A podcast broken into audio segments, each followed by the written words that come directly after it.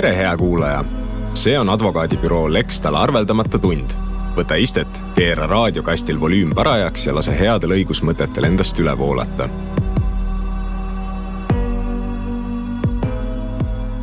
tere, head kuulajad, on alanud järjekordne saade sarjast Arveldamata tund ja tänane teema, mida Lextali advokaadibüroo toredate inimestega lähemalt käsitleme, on jätkuvalt meie ühiskonnas väga kuum sest et see kinnisvara temaatika puudutab ju enamust meist, kas siis omajana, ostjana, müüjana, rentijana või investorina, ja arusaadavatel põhjustel hoiab äh, kõigil meeli just praegu eriti pinges loomulikult see kinnisvara hinna liikumine, aga viimasel ajal on meile tuttavamaks saanud ka selline sõnapaar nagu varjatud puudused ja stuudios on täna seda teemat lähemalt siis käsitlemas advokaadibüroo Lextal kinnisvara- ja ehitusõiguse tiimijuht, vandeadvokaat Marge Männiko, tere! tere! ja Karoli Unus, kes on samas tiimis jurist. tere! mina olen saatejuht Tanel Talve no kiire otsing Delfi portaalis sõnapaarile varjatud puudus annab esimestena sellised pealkirjad, ma loen need ette. hea nõu, kuidas märgata kodu ostes varjatud puudusi ühe koduostu lugu varjatud vead viisid kolm aastat kestnud kohtus käimiseni. naaber, kes kunagi ei lõpeta puurimist või pidutsevad noored, kuidas hakkama saada hullude naabritega. võikad tapatööd ja koht, kus sepitseti salaplaane, kas kinnisvara müües peab ostjat teavitama ka maja ajaloost ja nii edasi ja nii edasi, kusjuures huvitava vahelepõikena selle varjatud puuduste Äh, otsingu sõna sisestades tuleb välja ka selline vaste, et mis juhtub siis, kui sa enam ei seksi. siis on viisid, kuidas su keha, aju ja meel sellest varjatult puudust tunnevad. nii et äh, kes otsib sõnapaari varjatud puudused, siis võib leida igasuguseid asju ka Delfi otsingust aga ma avasõnades küll ütlesin, et see varjatud puuduste mõiste on justkui selline viimase aja teema, aga tegelikult needsamad Delfi otsingu vastused, mida ma praegu ette lugesin, on ka aastast kaks tuhat viisteist ja veel varemgi olemas seal, et on see siis nüüd tõesti see, et lihtsalt on rohkemate kohtuvaidlusteni jõutud sellel teemal, et see teema on nüüd kuidagi rohkem rähe, tähelepanu alla tulnud? Mm? -hmm ma arvan, et eks neid varjatud puuduseid ole ju olnud kogu aeg. Mm, viimasel ajal tõenäoliselt kajastatakse meedias lihtsalt rohkem. Nii neid kohtulahendeid, mis on tulnud äh, advokaadibürood räägivad rohkem õiguslikest tagamaadest nende varjatud puuduste leidmisel, lahendamisel, vaidlustel, et eks inimesed on lihtsalt teadlikumaks saanud. ja tõenäoliselt see majanduslik olukord, uusarendused, kinnisvara meeletud müügid viimastel aastatel, eks see kõik tingib natuke selle mm, vaidluste osakaalu kasvu, ma usun küll kas varem on üldse inimesed osanud minna kohtusse õigust nõudma sellel teemal? no ikka on käidud, võib-olla varem see olukord oli mõnevõrra teistsugune, kui kinnisvaraturg liikus kogu aeg üles ja, ja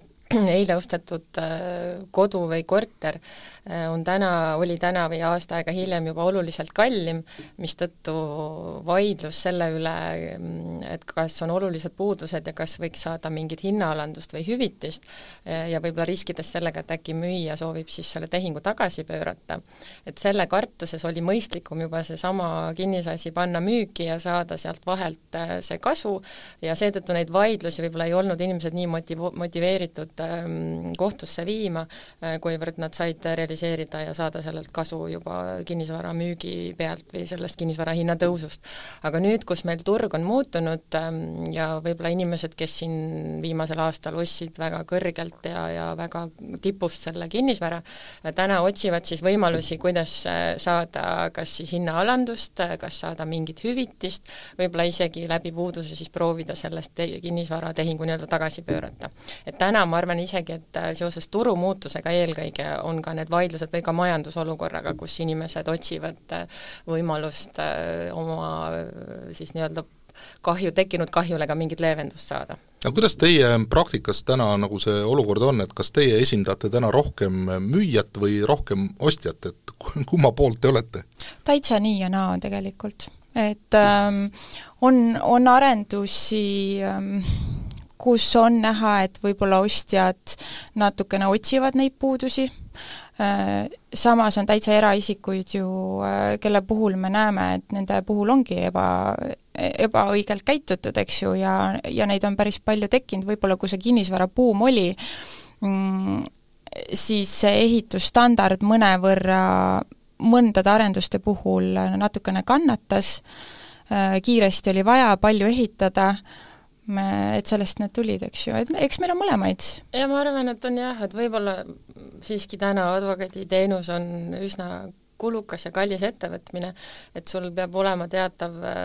rahaline võimekus äh, advokaati palgata, et seetõttu võib-olla natukene määrab ka selle, kellel on äh, seda võimekust, see pöördub, et see advokaadi poole pöördumise fakt kui selline või kui sa oled juba nii-öelda kohtusse kaevatud, et siis sa ilmselgelt otsid selleks siis endale esindaja no loodetavasti siis ikkagi abi saavad ka need inimesed, kes võib-olla on nii-öelda nõrgemas olukorras siis või need nõrgemad pooled, aga räägime korraks sellest ka veel, et millised need kõige levinumad varjatud puudused teie praktika järgi on? viimasel ajal hästi palju on laual müraprobleemi, äh, tuleb teha täitsa neid müramõõdistusi äh, no mis, mis, mis, mis selle müra all silmas peetakse, liiklusmüra või jaa, need, need samad naabrid, kellest ma alguses rääkisin? Äh, mõlemad, jaa. et võib olla täitsa see tänavamüra, mis kostub liiga palju sisse, naabrite müra, haukuv koer päev, päev läbi haugub, lapsed karjuvad, trambivad üleval korrusel, ehm, et äh, siin tekibki küsimus, et milline müra on ebamõistlik müra Äh, millisel juhul on nõudeõigus ja millisel mitte, et see piir on üpris selline äh, vaieldav ja õhuke, et ähm, neid vaidlusi on päris palju praegu. Ähm, ventilatsioonisüsteemide vaidlusi on hästi palju, küttesüsteemide vaidlusi, kas see võib-olla on see üldine nii-öelda ehitusvead, ehk siis inimesed mm. on hakanud tähelepanu pöörama, tellitakse ehitusekspertiis ja siis tuvastatakse, mis siis kõik nii-öelda nagu nõuetele ei vasta. et võib-olla inimesed ongi saanud teadlikumaks ja pärast ostu, noh kahjuks küll pärast ostu, võiks juba teha enne ostu selle ekspertiisi, et olla kindel, mida ostetakse, et siis selle ekspertiisi käigus noh, või siis ma isegi ütleks, kõige aktuaalsem teema on võib-olla see energiamärgise küsimus, mis on ka nagu muul põhjusel täna täna aktuaalne, kui ikkagi energiakulu on väga suur, siis hakatakse otsima põhjust, et kas võib olla viga ka hoopis ehitusveas ja milline on üldse selle hoone energiamärgis. ja, ja meil tegelikult on olemas üks kohtulahend, mis ütleb, et energiamärgis kui selline äh, on lepingu oluline tingimus ja see võib olla ka oluline puudus kinnisasjal, ehk siis et kui nagu ostad endale A energiamärgise kodu, aga selgub, et tegelikult on see hoopis C või D energiaklassis, et äh, siis võib see olla tegemist olulise puudusega ja, ja, ja seal on erinevad siis õiguskaitsevahendid ja, ja nõuded, mida saab esitada. jah, ma selle energiamärgise juurde täitsa eraldi teemana tahtsingi tulla ka, mm, aga enne veel küsiksin üle sellise asja, et noh, ma saan aru, et need põhilised äh, puudused ongi siis kaks varianti, kas on ehitusviga või on pro-, projekteerimisviga, eks ole ju, ja, ja siis nende puhul äh, pöördutakse aga on sellele osapoolele, on ta siis nüüd ostja või müüja, väga oluline vahe üldse, millest need puudused on, on tingitud, et on siin kuidagi juriidilises mõistes mingi oluline vahe? no lõppkokkuvõttes äh, vahe on selles, et kellele me nõude esitame et kes on kohustatud sellele äh, kahju hüvitama. et kui meil on projektiviga, äh, siis ilmselgelt äh, projekteerija peab vastutama, et kui sel-, projekti veast tulenevalt ehitisel on puudus. kui nüüd ehitaja ehitas vastavalt projektile, mis on tegelikult korrektne, siis sellisel juhul on tellijal, kes siis on näiteks arendaja, on kahjuhüvitisnõue võimalik esitada ehitaja vastu eks sealt see vahe tulebki. ma korra küsin täitsa noh, niimoodi lihtsa inimesena, et mina olen ostnud nüüd korteri, eks ole, ja mina lähen kahe, nii-öelda kaeban kohtusse selle müüja ikka, eks ole, vist ju, mitte otse projekteerija või ehitaja. ja siis omakorda ma saan aru niimoodi loogika järgi, et see müüja omakorda võib siis nõude esitada ehitajale või projekteerijale uh -huh. või, või, või ke, kelle see ostja, kui ta tunneb ennast puudutatuna, peab siis kohtusse kaebama? ikka müüja jah, et see, kellega tal on see lepinguline suhe, kes talle siis nii-öelda lubas mingitele tingimustele vastava korteri, kodu või, või kinnisasja, et eh, siis ta saabki ütelda, et see ese ei vasta siis kokkulepitule ja siis esitada sellest tuleneva nõude võib juhtuda ka see, et kaasatakse sellesse menetlusse kohe näiteks ehitaja, kui seal on olemas, ma ei tea, garantiiperiood või on otsenõudeõigus, et, et seetõttu on võimalik, aga aga põhimõtteliselt ostja jaoks kõige lihtsam loomulikult müüja vastu minna mm. -hmm. siis on üks asi vähemalt äh, selge. aga siis seesama energiamärgis, noh see on ka selline sõna, mis on nüüd saanud kuidagi inimestele eriti hingelähedaseks ja noh, loomulikult ka selline avalik poliitika, mida mida ka riigi tasemel aetakse ju sinna, sinnapoole suunab ja see keskkonnasõbralikkus ja energia kokkuhoid ja, ja need märksõnad on olulised ja eks arvatavasti ka kinnisvaraarenduste juures on nüüd see energiamärgis väga tähtis, aga ma tahaks korra küsida, et kas see energiamärgis nüüd puudutab ainult uusehitisi või ka vanemaid hooneid? et või, või, või vanemad ei, ei lähe üldse siia, siia alla, ma saan aru, et aastast kaks tuhat kakskümmend vist, kui ma õigesti aru saan, on äh, kõik hooned nõutud, et nad peavad vastama A-energiamärgisele. aga mm -hmm. noh, ma tean et praegu ju müüakse ka uusarendusi, mis ei ole sugugi A, et on ka B ja C, et kuidas siis on võimalik või mismoodi see asi üldse käib? jaa, noh eks see hoone sellel hetkel, kui ta projekteeritakse, peab vastama siis projekteerimisnõuetele ja kui ta ehitatakse, peab vastama ehitusnõuetele. ehk siis sellel ajal, kui hoone ehitati, sellel hetkel kehtinud äh, nii-öelda nõuded. et äh, seetõttu meil ongi käibes ilmselt ka ilma energiamärgiseta üldse ehitisi ja need äh, nii kaua seal ongi, kuni neid siis uuendatakse. Neid on hakatud siis ehitama millalgi varem, kui see kahe tuhande kahekümnenda aasta seadus välja tuli? jaa, vanad mhm. paneelmajad näiteks, et mida ei ole renoveeritud mm, -hmm. neil tihti ka ei ole, me ei näe ehitisregistrist ehit-, energiamärgist mm. -hmm. ei, ma lihtsalt mm -hmm. täna vaatan kinnisvarakuulutusi, siis seal on ka uusarendusi, täiesti nii-öelda tutikad majad, mis on kohe öeldud, et on B või, või C-klass sest see kohustus nii-öelda A-energia mm, märgise klassile tulenebki nagu seadusest, et see on uus, et, et äh, see ongi nagu meie poliitiline äh, otsus olnud, et alates kaks tuhat kakskümmend kõik hooned peavad olema A-energia äh, märgise klassile vastavad, välja arvatud siis need väiksemad, kakssada kakskümmend ruutu, et nendel on lubatud siis mitte, mitte päris A-klass mm. -hmm nii et kui ma täna ostan endale ühe uue korteri, siis ta peaks olema tegelikult ikkagi A-klass, ma saan aru, aga ei pruugi? jah, siin äh, suur erinevus äh, on tegelikult selles, et äh, kas see A-klass põhineb siis arvutuslikul meetodil leitud, leitud viisil või siis ta on juba arvutatud arvutatud klass, energiaklass, ehk siis äh, ehitis juba on püsti, äh, toimib, ventilatsioonid, kütted, kõik toimivad, äh, ehitus on valmis, kasutusluba on väljastatud ja siis me mõõdame ära, millisele energiaklassile ta tegelikult vastab. Kuidas see mõõtmine käib, mind on see alati huvitanud, et ma saangi aru, et mure on selles, et eks ole, paberil on üks klass, väga tore on kõik, ja siis kuidagi tegelikkus on, on teine et seda vist oskavad muidugi paremini ehitusala inimesed äh, öelda, aga ometi siin vist mingi mingi probleem ju on, eks ole, et need ei, ei pruugi vastata paberil oleva asi ja tegelikkus äh. aga nad tõenäoliselt ei vastagi, sest nad on erinevad, et see põhimõtteliselt see nõue on see, et projekt kui see koostatakse, siis see ongi arvutustel põhinev energiamärgis, ehk siis kui, kui sa esitad ehitusloa taotluse, siis sa pead sinna lisamagi selle arvutusliku nii-öelda, et paberil joonistatud maja äh, ja see, sinna on äh, ette nähtud teatud seadmed, et siis see ongi arvutuslik ja siis sellel energiamärgisel ongi äh, peale kirjutatud, et see on arvutustel põhinev ja seal enamasti on kirjas ka, et see kehtib nii-öelda kaks aastat et siis peaks inimene minema, kui ta on seda hoonet kasutama hakanud, ja mõõtma reaalselt üle, mis on siis nii-öelda teistsugune energiamärgis, mis põhineb mõõdetud andmetel ja seadus seda kohe eristabki, et see on siis äh, Äh, reaalselt äh, tarbimisel nagu põhinev ähm, mõõdistus. äh, ja siis tuleb sellele, see on nagu teine energiamärgis. aga mis võib-olla nagu oluline ongi, et inimesed ei tee vahet või ka kui me vaatame neid kinnisvarakuulutusi, seal on lihtsalt kirjas, et meil on B-energiaklassi hoone, sellel ei ole mingit selgitust, kas see on arvutuslik või tegelikul tarbimisel on nagu välja arvutatud, et ta juba täna vastab sellele ja, ja see võib-olla ajabki inimesed segadusse, sest et maaklerid kuulutavad ju loomulikult, et see justkui on ja tihtipeale müügilepinguteski on täpselt samamoodi kirjas, et see vastab A energiaklassile või B energiaklassile, aga seal ei ole seda selgitust ja, ja kohus meil ühes lahendis tegelikult ütleski, et tavainimene ei pea olema mingi energiaspetsialist, ta ei pea aru saama, mis on arvutusliku ja tegelikul tarbimisel või mõõdistusel põhineva energiamärgise vahe. Äh,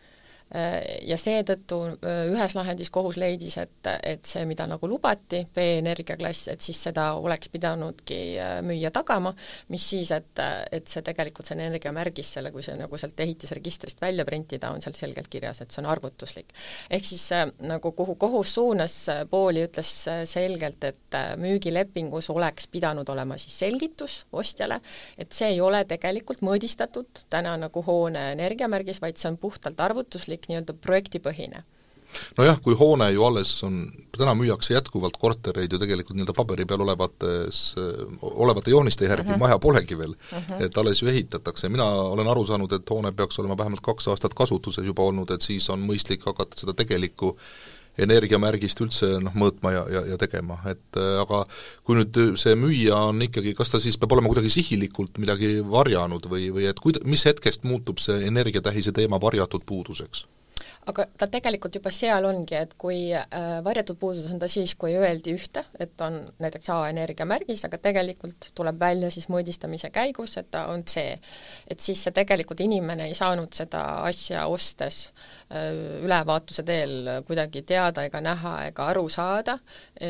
et, et see hoone ei pea nii palju näiteks soojust ja siis tulebki hiljem välja, et tegelikult see, et nüüd see energiamärgis, kui ta ei vasta tegelikkusele, et see juba ongi varjatud puudus ähm, seda on kohus tuvastanud.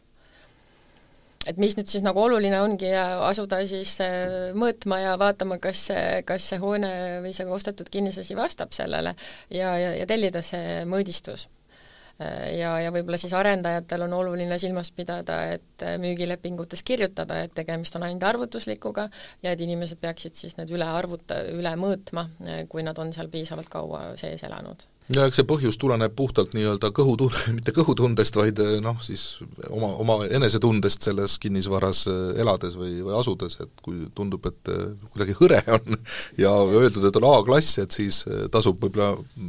mõõtma hakata, ma saan aru, et selle mõõtmise asja peab tellima siis see,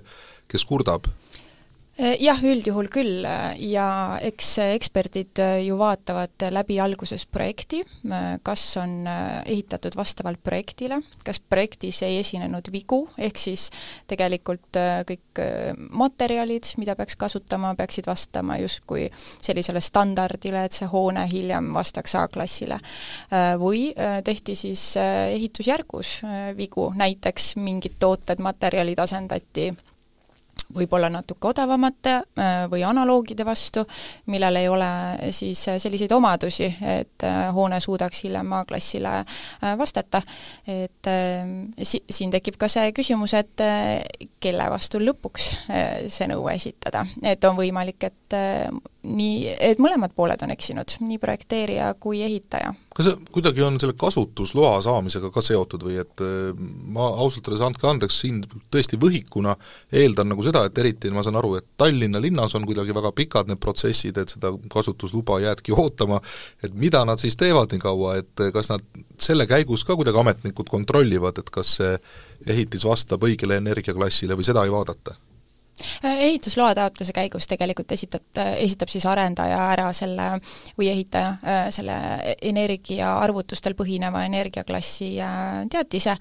ja selle põhjal tegelikult kasutusluba äh, väljastatakse mm. -hmm. No nii, et selles mõttes nagu inimene võib kergemalt hingata, kui on kasutusluba ikkagi majale antud ja noh, et siis keegi on ikkagi midagigi üle vaadanud, et ei selles mõttes nagu üle või see ei tähenda midagi veel? ei, just nimelt vastupidi. et tegelikult see uh, uus arenduse märgis saadaksegi projektipõhiselt, see kantakse ehitisregistrisse ja kui saadakse kasutusluba, siis tegelikult kasutusluba, kasutusloa puhul ainult kontrollitakse seda, kas on ehitatud vastavalt projektile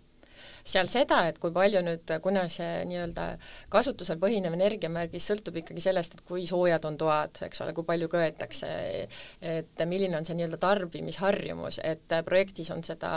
arvestatud ainult ähm, äh, nii-öelda normidele vastavalt, aga kui palju keegi, kuidas ise seda hoonet kasutab, et sellest väga ka sõltub, et kui energiatõhus see hoone on. Et seetõttu ikkagi, äh, kui on saadud kasutusluba hoonele, siis see ei tähenda, et keegi oleks seal mõõtnud äh, üle, kuidas valminud hoone, kas ta vastab energiamärgisele. Et vastupidi, pigem peab eeldama, et uus hoone puhul, mis ei ole kasutuses olnud äh, veel kaks aastat, see energiamärgis on ainult arvutuslik, et ainult paberil arusaadav, hästi. loomulikult, kui üks osapooltest tunneb, et asi pole päris õige, siis saab lasta kohtul õigust mõista, aga öelge mulle palun, mis aja jooksul on üldse õigust kõiki neid nõudeid siis esitada, et noh, oletame, et ma olen nüüd see müüja, müün oma korteri ära, ja ma pean siis kümme aastat veel värisema, ootama, et äkki keegi tuleb ja kaebab mind kohtusse veel, et leiti noh, ma ei tea, viie aasta pärast või kuue aasta pärast mingisugune varjatud puudus, noh ma ei kujuta ette, et kui vahepeal on üleval teised naabrid tulnud, et pole vist minu süü või, või, või, või noh, et kui kui, kui, kui keeruline see olukord on siis selle müüja jaoks ka, vaatame tema seisukohast natukese asja. Mm. -hmm tõenäoliselt üpris teada-tuntud fakt on see, et äh, lepingust äh, tulenevad nõuded siis aeguvad kolme aastaga. Ähm, on ka selline erisus ähm, nagu töövõtulepingust tulenevate nõuete aegumistähtaeg ehitise puuduse tõttu, mis on siis viis aastat,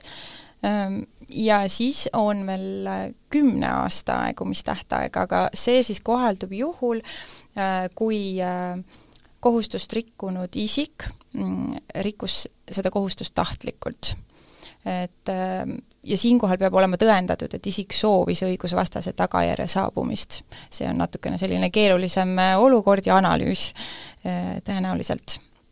noh, et selleks ei piisa ainult, et äh, inimene jättis mingi kohus- või ütleme, ehitaja jättis mingisuguse asja tegemata või kohustuse täitmata, vaid äh, kümneaastase aegumise tähtaja puhul äh, peab olema tõendatud, et ta reaalselt tahtis selle tagajärge ka, seda negatiivset tagajärge, mis saabus, et ta teadis, et see on, et ta, kui ta niimoodi ehitab või kui ta jätab mingisuguse, ma ei tea, soojustuse panemata, et siis see mm, hoone enam ei ole nii soojapidav ja ta tahtiski, et see oligi ta eesmärk ja see peab olema tõendatud, mitte lihtsalt see, et ta näiteks hooletusest unustas. kui ta hoonet, hooletusest unustas, siis me nagu tahtlust äh, tõendatud ei saa. ehk siis see kümme aastat on selline nagu maksimumaeg siis, milleks äh, kõige halvemal juhul peab valmis olema, aga see on ka üsna äärmuslik. no aga need kolm aastat, kui ma olen lihtne müüja, kinnisvara müüja, ma pean ikkagi olema valmis selleks, et, et mind mõistetakse süüdi ka siis, kui ma tegelikult tahtlikult midagi ei varjanud. noh, ei teadnud, et on et naaber läheb hulluks ja hakkab karjuma seal üleval noh, see on natukene ka keerulisem analüüs ja see oleneb asjaoludest, et eh, kui te ikkagi teadsite, et eh, näiteks kinnistul või korteril on mingi puudus, eh, olgu need siis need lärmavad naabrid, mittetöötav ventilatsioon, et kui teil oli ilmselge kohustus ähm, omada mingisugust ülevaadet, kui on selge, et elasite seal näiteks kaks aastat sees, ja on ilmselge, et need puudused äh, selle aja jooksul pidid ka väljenduma kuidagi, äh, siis jah, see kolm aastat äh, on nõude aegumise tähtaeg. peab olema valmis kolm aastat, jah mm.. no selge, väga julgustav meie kinnisvaraturul siis ütleme tegutsejatele mm, -hmm. kes aina rohkem ei ole ju väga spetsialistid, et võib-olla see nii-öelda kinnisvarainvestoriks on ka täitsa tavalised äh, inimesed ju hakanud ja ma usun, et see neid äh, puudutab, neil on hea tänast saadet, ma arvan, ka kuulata natukese, et äh, muuseas, võib-olla nõuandeks võib öelda, et see tegelikult kolmeaastane aegumine on selline äh, lepinguline kokkulepe, mida võib kokkuleppel lühendada ehk siis, et kui pooled otsustavad, et me nüüd nagu äh, müümegi ja see on selline, ostad äh, siis või sellisena, nagu see on ja mm -hmm. oled mhm. väga hea diili saanud, aga siis lepime kokku, et mina ei taha müüjana kolm aastat siin istuda selle otsas, et kuni äh, saab selgeks, et kas ikkagi talvel aknad peavad või tuleb piisavalt vihma, et siis saab tegelikult kokku leppida lühendatud äh, selle aja. okei okay,, et selles mõttes see ei loe, et ma ei tea, seadus ütleb, et kolm aastat, et see seadus ütleb sellisel juhul, kui pooled midagi ei ole nagu nagu muud kokku leppinud Okei, näiteks võib ka pikema aja, võib kokku mm -hmm. leppida ka näiteks viis aastat. et kui ei ole mitte midagi selle kohta kokku lepitud, siis äh, on kolm aastat. kas need projekteerijad ja ehitajad, nendele kehtib samamoodi need kolm aastat, viis aastat, kõik, mis me siin üles loetlesime, et seal vahet, vahet ei ole? Mhm. et kui meil äh, tekib see nõue nüüd sellest töövõtulepingust äh, äh, selliselt, et ehitisel on ilmnenud puudus, siis me nüüd teame kõik, et ehitajal on viieaastane äh, äh, vastutuskohustus, aegumistähtaeg on viis aastat. Kahe tuhande kahekümnendal aastal Riigikohus äh, tegi mm, ühe lahendi, mis tegelikult laiendab nüüd seda viieaastast aegumistähtaega äh, töövõtulepingute vaidluste puhul äh, ka projekteerijatele. Et äh, ka projekteerimistöövõtulepingutele. et kui see viga ehitisel on tekkinud seetõttu, et projektis oli viga, siis see, selle nõude aegumistähtaeg on nüüd viis aastat. aga ähm, selle puhul on oluline nüüd see kohtu remark, et äh, millal me hakkame seda aegumistähtaega arv-, arvutama. Tavaliselt käib see niimoodi, et aegumistähtaeg äh, algab töö vastuvõtmisest. mida see projekti puhul tähendab, on see, et kas tööprojekt või äh, põhiprojekt antakse tellijale, ehitajale näiteks või arendajale, antakse üle, ta allkirjastab selle vastuvõtmisakti, ütleb, et kõik on korras, võtab vastu. sellisel juhul sellest hetkest hakkab see nõude aegumistähtaeg ka jooksma aga kohus on möönanud, et kui on projekti viga selline, et see ei saanud ilmneda enne, kui ehitis on valmis ja, või kasutusele võetud, siis me ei saa alustada selle aegumistähtaja lugemist, projekti vastuvõtmist või selle töö vastuvõtmist, vaid ehitise valmimisest. et see on väga huvitav, sellepärast et ega projekt võib valmida aastal X, mille jär-, järel siis hakkab ehitusettevõte alles seda ehitist ehitama ja see ehitis võib valmida kahe-kolme, ka kümne aasta pärast, et see on tegelikult väga huvitav uus lahend just projekteerijatele, et aga see on lahend juba, eks ole, me ei räägi siin teoreetilisest jaa, jaa, jaa, see on kahe tuhande kahekümnenda aasta Riigikohtu lahend. Mm. -hmm. No see on eriti aktuaalne ju tänases olukorras, sest et ma tean, et paljud nii-öelda uusarendused ongi ju pandud pausile, projekt on ju valmis, nad peaaegu lõid kopa maasse, aga nüüd panid siin pausile on ja just, siin tekib selline kerge riskioht nüüd projekteerijale, et päris nii ei ole, et ma annan selle projekti üle, loen oma viis aastat ja viskan selle hariliku pliiatsi nurka, et see on natukene nagu selline riskantsem ma kujutan olukord. eredalt ette, kuidas see käib. ma loodan, et selliseid projekteerijaid ei ole ka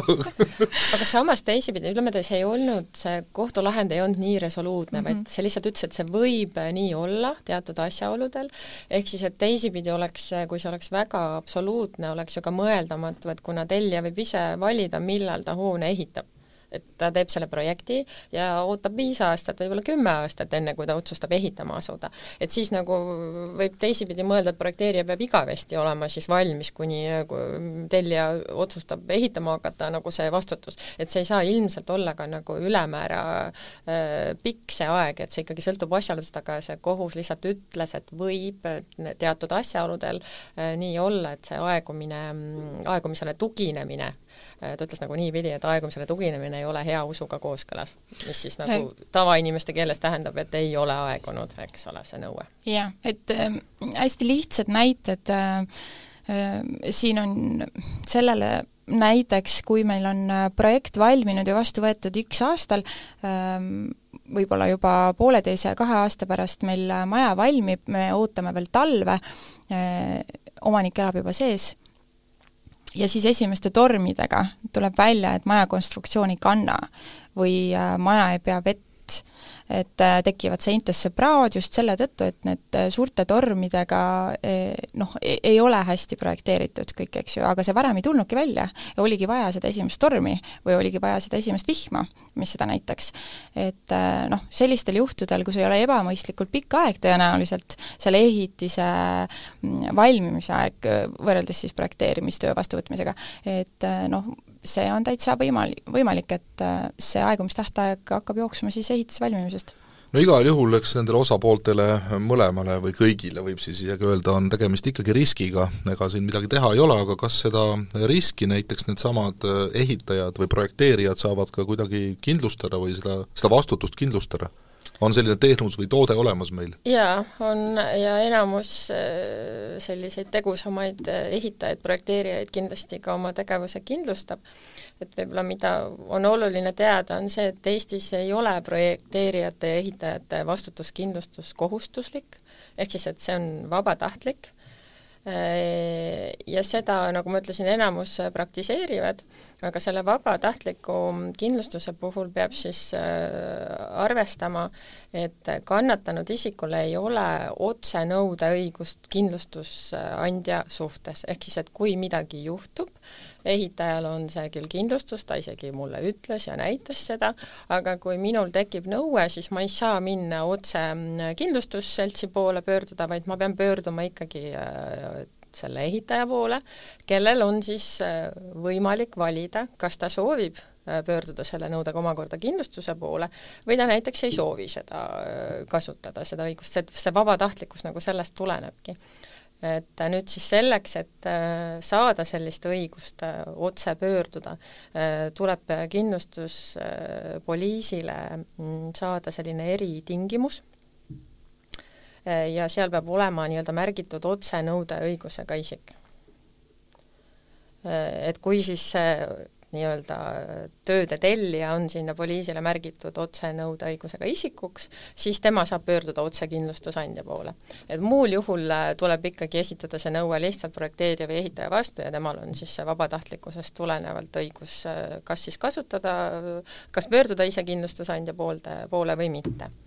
et võib-olla siis see erisus ongi selles, et meil on olemas ka kohustuslik kindlustus, kutsekindlustusliik, mis on noh, näiteks auto, advokaatidel, audiitoritel, äh, kohtutäituritel, notaritel, tervishoiuteenuse osutajatel. see on nagu li-, liikluskindlustus siis, kohustuslik, ma mõtlen? see sama mm, -hmm. samal põhimõttel, aga nüüd see projekteerijate, ehitajate vastutus siis on vabatahtlik.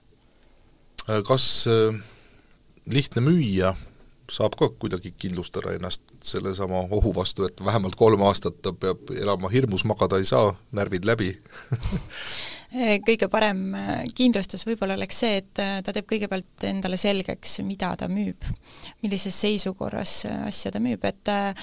praegu hästi palju tegelikult tellitakse ka ehitusekspertiisi, enne kui hakatakse müüma. et ähm, selliselt on ekspert, ehitusekspert, on üle vaadanud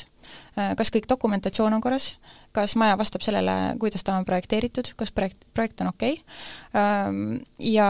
ja see tuuakse välja kõik paberil ja ostja teab, mida ta ostab ja teab ka, milliste puudustega ta ostab see on kõige parem äh, kindlustus üldse, ma arvan. nii et ei ole midagi, et ma olen küll elanud, ma ei tea, kakskümmend aastat oma kodus, tahan seda nüüd maha müüa, et siis tegelikult oleks tark ikkagi tellida ise ka veel ekspertiis siis, et, et kindlustada sellega siis ennast igasuguste see muude te... jamade vastu, sest no tõesti, inimene ei pruugigi ju ise teada ikkagi, et seal on, ma ei tea jaa, see on, see on jamad. mõistlik, aga me peame siinkohal äh, tähele panema ka seda, et ega hulluks ei saa nüüd ka minna nende nõuetega, eks, et äh, kui me ostame vana asja, ja juba kakskümmend, kolmkümmend, nelikümmend aastat vana kinnistut näiteks, hoonet sellel, siis äh, me ei saa eeldada ostjatena, et äh, me ostame uueväärset see on ka väga oluline remark siin, et me ei saa nõuda aasta kaks tuhat kakskümmend kaks normidele vastavat tehnosüsteemi, küttesüsteemi, et kõik peab nii, nagu vastvalminud hoonel. et see on ka oluline no ehk siis võib-olla müüja vaatest on tark üles loetleda ikkagi kõik negatiivsed äh, asjaolud, mida ta vähegi teab, on kogenud, võib-olla see ekspertiis on oluline sellisel juhul, kui äh, keegi on ostnud näiteks investeerimiseks korteri, et ta ise ei olegi seal elanud ja siis ta mõne aja möödudes soovib selle müüa ja siis äh, ei aita see, et ma tegelikult ei käinud kordagi seal või üürisin seda välja ja mul ei olnud infot, ehk siis et see ei päästa seda müüjat ja sellisel juhul ekspertiis on suureks abiks vastutuse mõttes, ehk siis et äh, siis ekspert vähemalt tuvastab kõik need äh, puudujäägid ja need saab lepingusse kirja panna. ehk siis soovitus kindlasti on äh, kõik negatiivsed ilmingud ja teadaolevad asjaolud müügilepingus loetleda. et see aitab hiljem, et, et ostja oli teadlik ja ta ei saa siis sellele enam nagu tugineda ütleme nii, et on teema, mida võiks jäädagi tundide kaupa siin lahkama, aga tegelikult hakkab meie saateaeg märkamatult juba otsakorrale saama, ma tulen korra siia saate lõpuks tagasi saate alguse juurde, kus ma selle, nende Delfi otsingu pealkirjadega seal natukese ringi vaatasin ja, ja seesama pealkiri, et võikad tapatööd ja koht, kus sepitseti salaplaane et kas kinnisvara müües peab ostjat teavitama ka maja ajaloost, et see läheb nüüd natukese meie fookusest välja, eks ole, sellest ehitusest, projekteerimisest, aga huvitav, kas äh, taolist asja peaks ka kas ma, ma ei kujuta lihtsalt ette, et kui ma lähen, lähen siis kohtusse, annan kellegi, et miks sa ei öelnud, et siin kunagi toimus vaat selline asi? ma arvan, et see tegelikult taandub sellele, et kui oluline see ostjale võib olla, ehk siis et kas see nii-öelda tapatöö fakt selles korteris või majas on ostjale oluline et kui see on näiteks tema kodu ja, ja tegemist on väga õrnahingelise või esoteerilise inimesega, kelle jaoks on oluline ja ta on näiteks seda ka väljendanud müüjale, et siis müüja oleks pidanud aru saama, et see on niivõrd oluline asjaolu, et sellele ostjale tuleb seda avaldada et äh, ma arvan, et see võib olla ja, ja võib-olla isegi sellises tavaolukorras, kui me mõtleme, et kas tavainimene, kes ostab, kui nagu teie ostate, kas ta tahaks teada, et kui tavainimene tahaks teada, siis äh, ja müüja seda varjab, et äh, siis ma pigem arvan küll, et on see varjatud puudus ja, ja sellel alusel vähemalt on võimalik argumenteerida et kui on noh, ütleme näiteks, et me kõik äh, oleme lugenud, et mingi suur tapatöö kuskil sellises rajoonis oli ja nüüd siis sa saad teada, et siis see täpselt nagu oligi see korter, mille ma ostsin, eks ole. ja ma kindlasti ei oleks ostnud seda korterit, kui ma oleksin teadnud. no peab tunnistama, et ega isegi ei tunneks ennast pisut kõhedalt võib-olla, kui sa tead, et seal on midagi, midagi taolist toimunud, lihtsalt oli võib-olla huvitav vahelepõige, et, et igasuguseid olukordi ma kujutan ette ka teie praktikas, on juba tulnud ette ja tuleb kardetavasti veelgi. mis te lõpetuseks tahaksite öelda inimestele, kes eh, ehitavad, kes projekteerivad, kes ostavad, kes müüvad? on midagi sellist paari lausega kokkuvõtvat asja nendele soovituseks öelda? No soovitame ikka edasi ehitada ja projekteerida ja osta ja müüa. See kõlab ähvardavalt praegu muideks ma arvan, et nagu lihtsalt selle, sellel põhjusel, et võib-olla kuidagi mingi nõue keegi millalgi esi-, esitab või võib tekkida vastutus, et sellepärast nagu ei peaks jätma midagi tegemata kohta. et võib-olla tuleb ennast rohkem harida, natukene lugeda ja eks alati advokaadist on ka abi nii eh, ka lepingu ülevaatamisel, kui tehing plaanis on, kui ka siis juba, kui on mingi puudus eh, ilmnenud, et, et kuidas seda korrektselt siis sellest teatada ja, ja kuidas seda nõuet esitada. et oma õiguste eest seista, seisma ikka peab, et aga sellepärast ei peaks jääma nüüd ka midagi tegemata et ei maksa püssi põõsasse visata? kindlasti mitte, et äh, ärme karda ennetada neid probleeme, lihtsalt uurime enne, konsulteerime vastavate spetsialistidega, mõtleme läbi selle tehingu või selle äh, ehituse protsessi ja kõik läheb väga hästi. ma arvan, et see on väga hea mõte siia lõppu, et ennetus on võib-olla kõige turvalisem kindlustus, mida üldse teha saab, et tasub ette mõelda, mitte tagajärgedega tegeleda. aga aitäh teile äh, toreda vestluse eest, äh, stuudios olid täna siis advokaadibüroo Lextal kinnisvara ja ehitusõiguse tiimijuht, vandeadvokaat Marge Männiko ja Karoli Unus, kes on samas tiimis siis jurist. mina olin saatejuht Tanel Talve, aitäh kuulamast ja järgmiste kohtumisteni! see oli arveldamata tund. tänan, et kuulasid. saate tõi sinuni advokaadibüroo Lextal, alati personaalne, julge ja usaldusväärne